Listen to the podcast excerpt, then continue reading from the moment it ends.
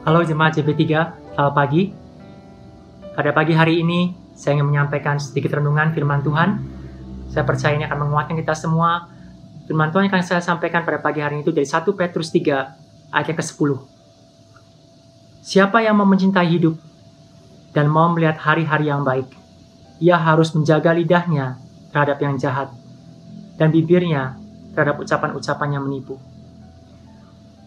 Saya percaya sekali bahwa kita semua adalah orang-orang yang mencintai hidup yang Tuhan berikan buat kita. Dan kita mau melihat hari-hari yang baik di masa depan kita. Dan firman Tuhan katakan di sini untuk kita bisa melihat hari-hari yang baik. Dan kalau kita mau mencintai hidup kita, firman Tuhan katakan kita harus mulai dari perkataan lidah kita yang baik. Dari ucapan-ucapan bibir kita yang tidak menipu. Ya, saya percaya sekali bahwa di hari-hari ini sebagian besar uh, perkataan baik verbal maupun dari berita-berita yang kita dengar ataupun uh, dari medsos yang kita baca itu banyak sekali perkataan-perkataan yang mungkin tidak membangun, tidak menguatkan, yang menghilangkan pengharapan, yang mengambil damai sejahtera, bahkan tidak sedikit yang seperti memberi rasa dihukum atau rasa bersalah dalam hidup kita.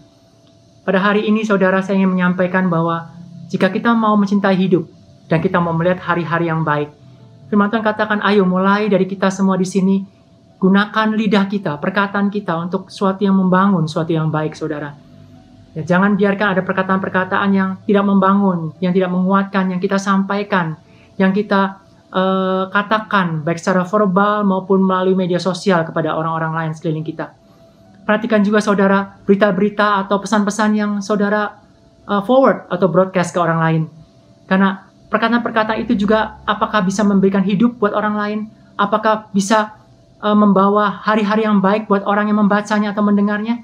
Saya percaya sekali bahwa pada waktu kita memperkatakan, kita menyampaikan berita-berita yang baik dan membangun dan menguatkan, bukan hanya orang yang mendengarnya yang akan melihat hari-hari yang baik, tapi kita yang mengatakannya, kita yang membagikannya juga kita akan mendapatkan kekuatan, akan bisa melihat hidup yang lebih baik dan hari-hari yang baik.